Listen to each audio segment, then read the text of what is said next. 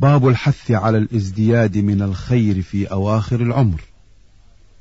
قال الله تعالى أولم نعمركم ما يتذكر فيه من تذكر وجاءكم النذير. سورة فاطر. قال ابن عباس والمحققون معناه أولم نعمركم ستين سنة؟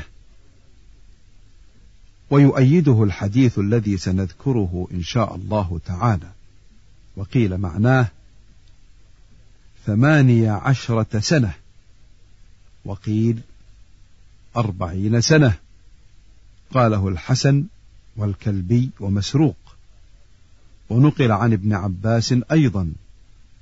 ونقلوا أن أهل المدينة كانوا إذا بلغ أحدهم أربعين سنة تفرغ للعبادة. وقيل هو البلوغ. وقوله تعالى وجاءكم النذير. قال ابن عباس والجمهور هو النبي صلى الله عليه وسلم. وقيل الشيب. قاله عكرمة وابن عيينة وغيرهما. والله أعلم. عن أبي هريرة رضي الله عنه عن النبي صلى الله عليه وسلم قال أعذر الله إلى امرئ أخر أجله حتى بلغ ستين سنة. رواه البخاري. قال العلماء معناه لم يترك له عذرا إذ أمهله هذه المدة. يقال أعذر الرجل إذا بلغ الغاية في العذر. عن ابن عباس رضي الله عنهما قال كان عمر رضي الله عنه يدخلني مع أشياخ بدر فكان بعضهم وجد في نفسه فقال لم يدخل هذا معنا ولنا أبناء مثله؟ فقال عمر إنه من حيث علمتم. فدعاني ذات يوم فأدخلني معهم فما رأيت أنه دعاني يومئذ إلا ليريهم. قال ما تقولون في قول الله تعالى إذا جاء نصر الله والفتح. سورة الفتح. فقال بعضهم أمرنا نحمد الله ونستغفره.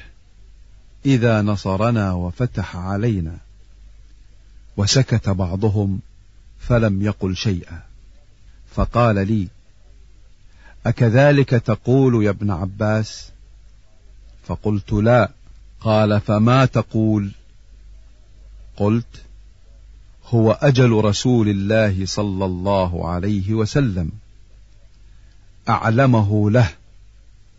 قال إذا جاء نصر الله والفتح وذلك علامة أجلك فسبح بحمد ربك واستغفره إنه كان توابا. فقال عمر رضي الله عنه ما أعلم منها إلا ما تقول. رواه البخاري. عن عائشة رضي الله عنها قالت ما صلى رسول الله صلى الله عليه وسلم صلاة بعد أن نزلت عليه إذا جاء نصر الله والفتح إلا يقول فيها سبحانك ربنا وبحمدك اللهم اغفر لي. متفق عليه.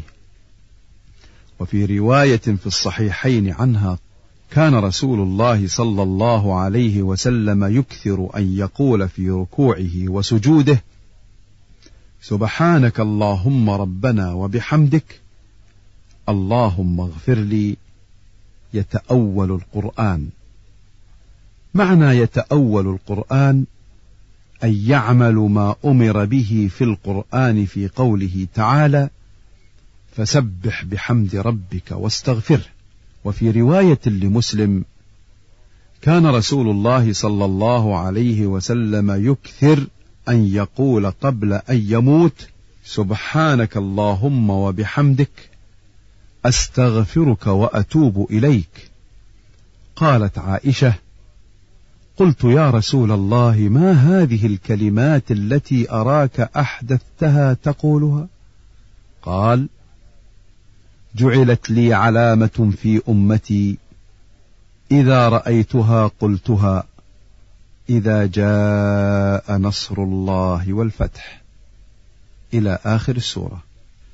وفي رواية له كان رسول الله صلى الله عليه وسلم يكثر من قول سبحان الله وبحمده أستغفر الله وأتوب إليه. قالت قلت يا رسول الله أراك تكثر من قول سبحان الله وبحمده أستغفر الله وأتوب إليه. فقال أخبرني ربي أني سأرى علامة في أمتي فإذا رأيتها أكثرت من قول سبحان الله وبحمده أستغفر الله وأتوب إليه. فقد رأيتها. إذا جاء نصر الله والفتح فتح مكة. ورأيت الناس يدخلون في دين الله أفواجا فسبح بحمد ربك واستغفره إنه كان توابا. عن أنس رضي الله عنه قال: إن الله عز وجل تابع الوحي على رسول الله صلى الله عليه وسلم قبل وفاته حتى توفي أكثر ما كان الوحي متفق عليه.